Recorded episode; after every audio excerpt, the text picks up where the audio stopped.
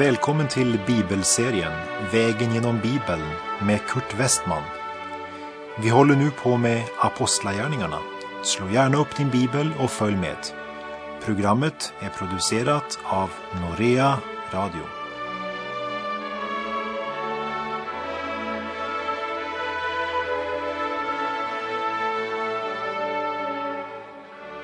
Vi avslutade förra programmet med de första verserna i kapitel 28 i Apostlagärningarna, där Paulus blev ormbiten när han samlade ved till brasan. Och när olyckan drabbar Paulus säger de infödda till varandra, den där mannen måste vara en mördare. Rättvisans gudinna ville inte att han skulle få leva. Guds ord står fast när allting annat faller.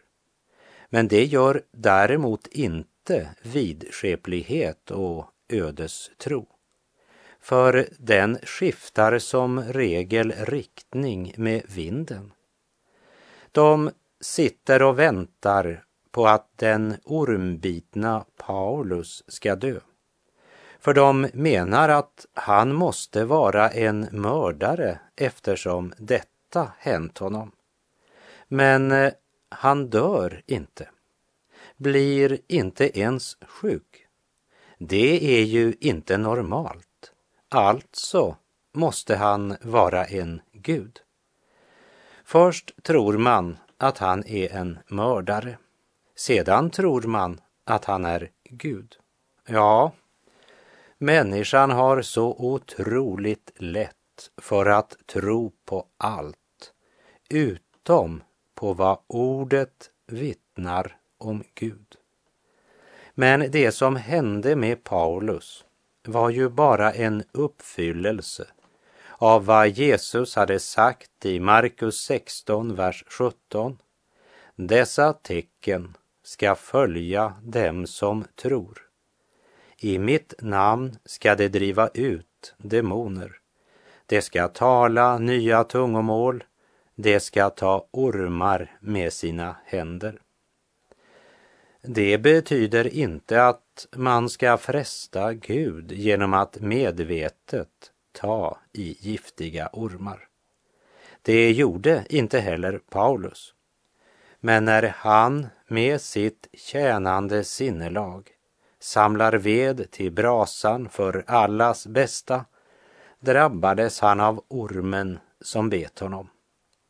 Men Paulus skakade av sig ormen i elden och tog ingen skada. Men det är så svårt att tro på Gud och lyssna till hans budskap och bygga sitt liv och sin tro på det. Då är det lättare att stämpla folk som drabbas av olyckor som mördare och sedan ändra sig och säga att de nog är gudar och så segla i den riktning det i ögonblicket blåser. Vilken kontrast till Paulus vittnesbörd när han talar om den Gud som jag tillhör och som jag tjänar. Vi läser i Apostlagärningarna 28, vers 7 och 8.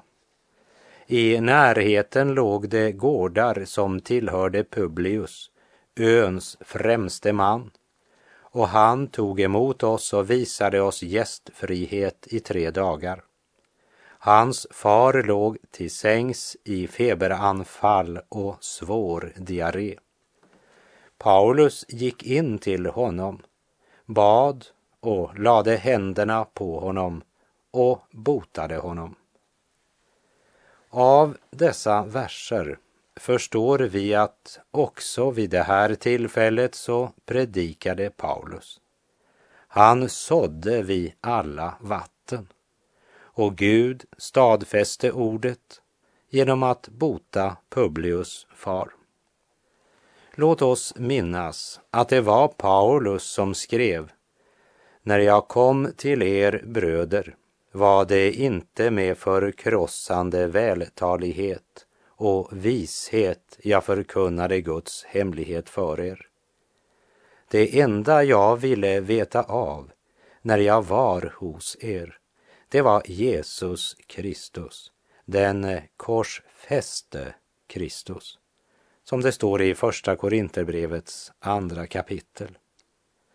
Och när Publius sjuke far blev botad så var det Guds vittnesbörd att evangeliet som Paulus förkunnade verkligen var ett budskap från Gud. Det var Guds ord. Och vi läser vers 9 och 10. Efter det kom också de andra sjuka på ön dit och blev botade.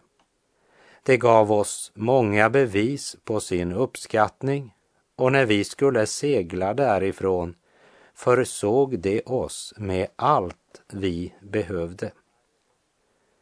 Och här är det viktigt att se sammanhanget. Paulus förkunnade evangeliet utifrån Gamla testamentets profetior och utifrån Kristi uppståndelse.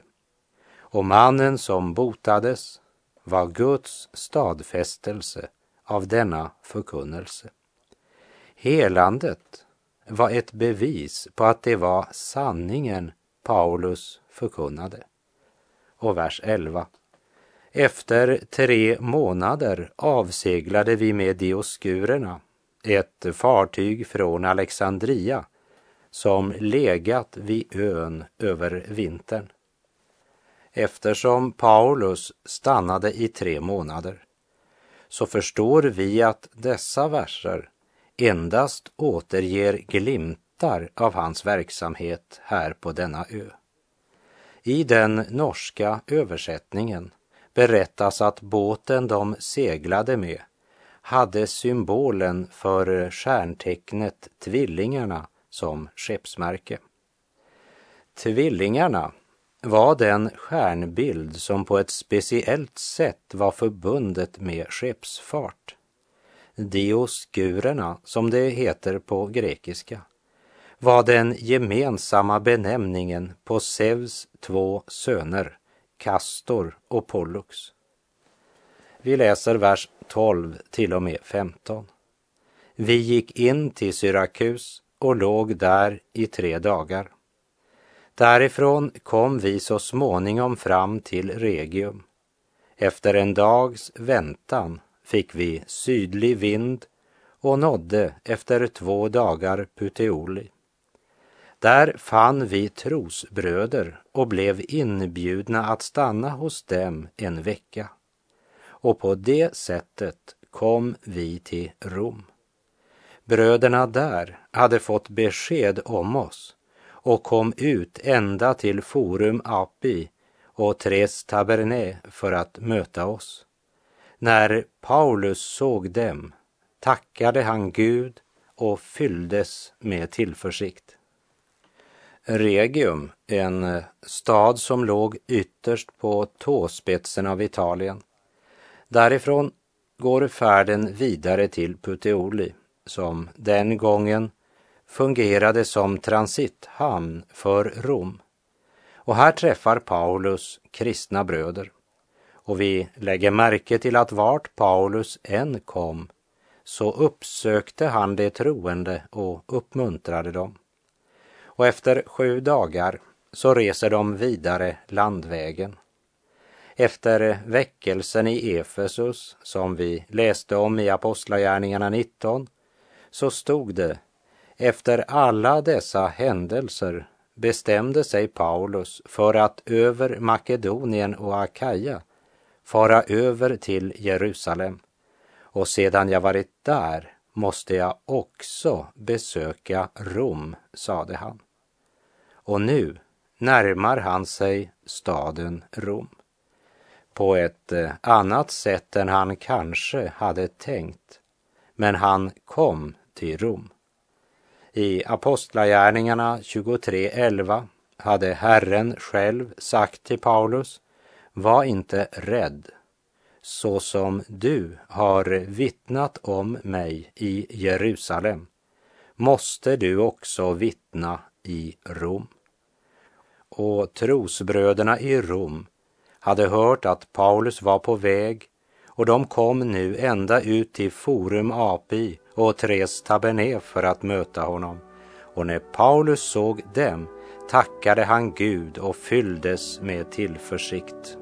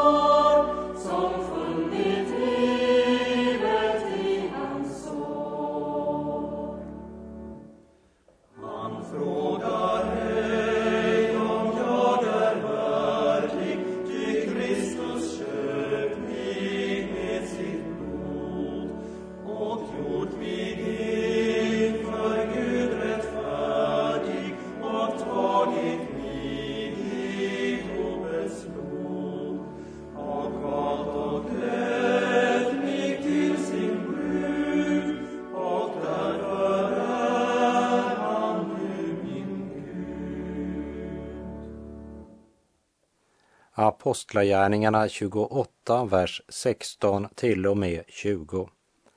Efter ankomsten till Rom fick han tillstånd att ha egen bostad tillsammans med en soldat som skulle bevaka honom. Tre dagar senare bad Paulus de ledande judarna att komma till honom och när de var samlade sade han till dem, mina bröder, fast jag inte har förbrutit mig mot mitt folk eller våra fäderneärvda seder och bruk, blev jag i Jerusalem utelämnad till romarna och bortförd som fånge. Sedan de hade förhört mig ville de frige mig eftersom jag inte var skyldig till något som förtjänade döden. Men judarna satte sig emot det och jag blev tvungen att vädja till kejsaren. Dock inte för att anklaga mitt folk. Detta är bakgrunden till att jag har tillkallat er för att få träffa er. Ty det är Israels hopp som är anledning till att jag bär dessa bojor. Också i Rom följer Paulus samma mönster som tidigare. Han vänder sig först till judarna och förklarar för dem varför han kommer till Rom, eller rättare sagt varför han har blivit förd till Rom i bojor. Och vers 21 till och med 24. Det svarade, vi har inte fått något brev om dig från Judeen och inte heller har någon av de bröder som kommit hit haft något ont att säga om dig, vare sig öppet eller i enrum. Men vi vill gärna höra av dig själv vad du har för åsikter. Om den här sekten vet vi att den möter motstånd överallt. Det kom överens om en viss dag och då infann sig ännu flera hos honom där han bodde. Från morgonen till sena kvällen vittnade han om Guds rike och uttalade vad det innebar och utgående från Mose lag och profeterna sökte han vinna dem för tron på Jesus. Somliga lät sig övertygas av hans ord, men andra ville inte tro. Vi ser här vilken frihet Paulus trots allt hade. Han kunde uppenbart samla skaror i sitt hem, även om han tydligen fortfarande bar bojor, som vi ser av vers 20. Där han för judarna i Rom berättar att han bär bojor. Förutom bojorna bevakades han också av en romersk soldat. Men trots bojorna var Paulus den friaste av dem alla. Han tillhörde Jesus Kristus den uppståndne. Paulus hade valt att följa Jesus. Han hade tagit upp sitt kors och vandrade i sin mästares spår. Och att det var en vandring som ofta hade kostat mycket får vi en liten inblick i när Paulus skriver till Korint. Vi läser i Andra Korinthierbrevets elfte kapitel, vers 24 till 28.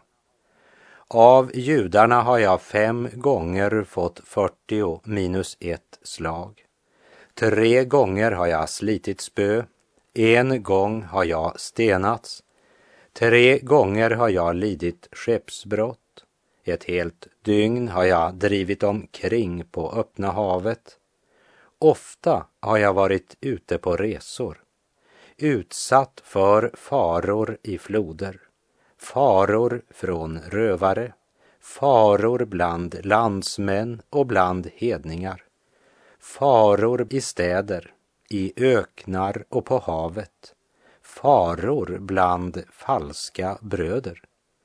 Jag har arbetat och slitit och ofta vakat. Jag har svultit och törstat och ofta fastat. Jag har frusit och varit utan kläder. Till allt annat kommer det som trycker mig varje dag, mina bekymmer för alla församlingarna. Paulus trodde inte på Jesus för att slippa svårigheter och få leva i materiellt överflöd. Men han hade insett att Jesus var värd att följa, vad än det kostade. För som Jesus själv hade sagt i Matteus 16, vers 26. Vad hjälper det en människa om hon vinner hela världen men förlorar sin själ? Precis som Mose så såg Paulus fram emot lönen som väntade och räknade den smälek som Messias får utstå som en större rikedom än Egyptens skatter, som det står i Hebreerbrevets elfte kapitel. Paulus förkunnade korsets och uppståndelsens evangelium och han eh, levde som han lärde. Och även i husarrest i Rom är det inte bojorna som den romerska myndigheten kedjat honom med som han är upptagen av, men att utifrån Gamla testamentet förkunna Messias. Om Jesus står det i Lukas 24, verserna 25 till och med 27. Då sade han, förstår ni så lite? Är ni så tröga till att tro på det som profeterna har sagt? Skulle inte Messias lida detta och gå in i sin härlighet? Och med början hos Mose och alla profeterna förklarade han för dem vad som står om honom överallt i skrifterna. Både Jesus och även apostlarna förkunnade med början hos Mose och alla profeterna i Gamla testamentet och förklarade vad som står om Jesus överallt i skrifterna, i Mose lag och hos profeterna och i saltarsalmerna. Och Paulus gör som Jesus. Han förkunnar från Mose lag och från profeterna för att genom skriftens vittnesbörd vinna dem för tron på Jesus. Och det var inte bara därför att det nya testamentet ännu inte var nedskrivet helt. För eh, nya testamentet är ju bara ett vittnesbörd om att vad Gud sagt i det gamla testamentet är sant. Med tanke på det är det skrämmande att så många förkunnare idag oftare predikar från det nya testamentet än från det gamla. Här har vi något att lära av Jesus och av Paulus och de andra apostlarna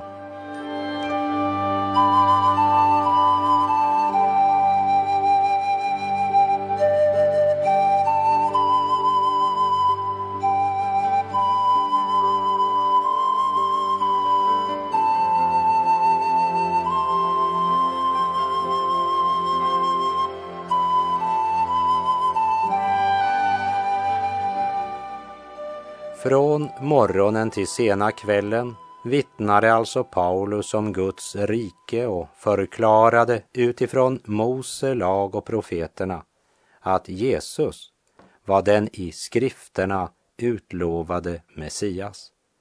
Och vi läser Apostlagärningarna 28, verserna 24 till 31.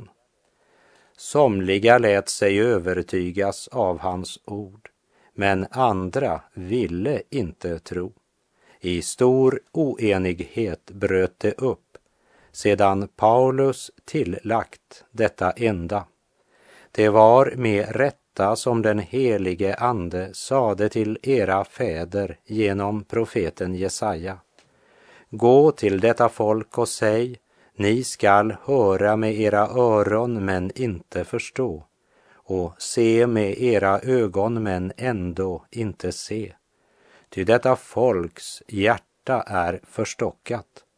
Det är tröga att höra med sina öron och det tillsluter sina ögon så att det inte kan se med sina ögon eller höra med sina öron eller förstå i sitt hjärta och omvända sig och bli botade av mig. Därför skall ni veta att det är till hedningarna Gud har sänt frälsningen. Det kommer att lyssna. I två hela år bodde han i en lägenhet han själv hade hyrt. Han tog emot alla som kom för att besöka honom och han förkunnade Guds rike och undervisade om Herren Jesus Kristus med stor frimodighet och utan att bli hindrad. Apostlagärningarna berättar om hur evangeliet, budskapet om Guds utlovade Messias, sprids från Jerusalem och vidare till alla stammar, folk och tungomål. Kom ihåg att i Edens lustgård tvivlade människan på vad Gud hade sagt och det ledde till olydnad och vägen tillbaka till Gud går genom tro. Som Paulus säger i Romarbrevet 1, vers 5. Genom honom har jag fått nåden och uppdraget att som apostel föra alla hedningar till lydnad i tro, hans namn till ära. Tro och lydnad hör ihop. Paulus livshistoria och hans missionsgärning avslutas inte i och med apostlagärningarna. Men den helige Ande fortsätter sin gärning än idag. Guds gärning på jord genom Jesu lärjungar i kraft av den helige Ande fortsätter helt tills bruden rycks upp då när Kristus hämtade sina. Då blir det som Jesus sa i Matteus 24. Ty som det var i Noas dagar, så blir det vid Människosonens ankomst. Under tiden före floden åt man och drack, gifte sig och blev bortgift, ända till den dag då Noa gick in i arken och ingen visste något förrän floden kom och förde bort alla. Så blir det också vid Människosonens ankomst. Då är två män ute på åkern. Den ene tas med och den andre lämnas kvar. Två kvinnor är vid kvarnen och mal.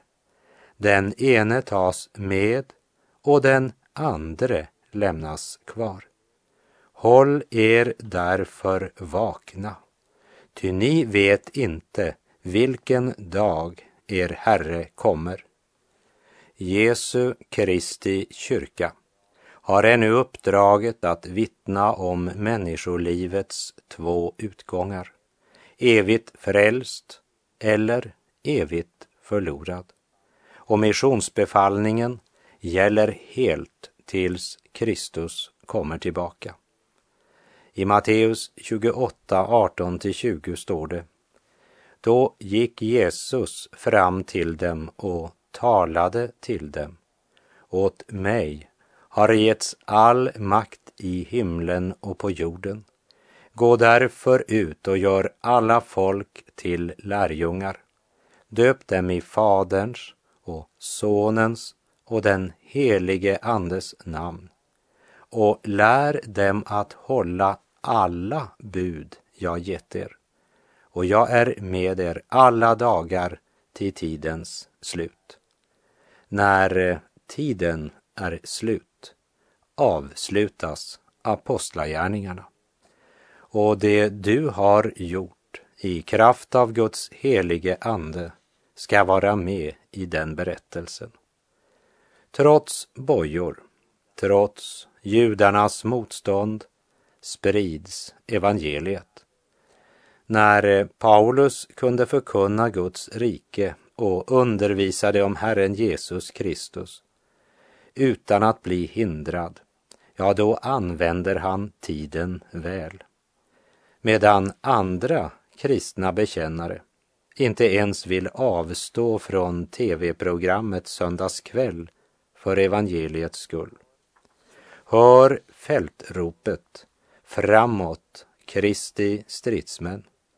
Jesus är uppstånden, segern är vunnen, skulden betalad. Men är vi villiga att ta vårt kors upp och förkunna evangeliets kompromisslösa sanning, även om det skulle betyda förakt, motstånd, hån och konfrontationer med fienden. Jesus är vägen, sanningen och livet. Paulus tog vara på alla tillfällen. Låt oss göra detsamma. Och med det så avslutar vi vår vandring genom apostlagärningarna. I nästa program ska vi fortsätta vår väg genom Bibeln med att vandra genom första Samuelsboken. Och därmed går vi igen tillbaka till en gammaltestamentlig bok. Och första Samuelsboken berättar om slutet av domartiden. Det handlar om en ny tid i Israels historia, kungatiden, då Israel övergick från teokrati till konungadöme men eh, det ska vi kika närmare på i nästa program. På återhörande om du vill. Herren vare med dig. Må hans välsignelse vila över dig. Gud är god.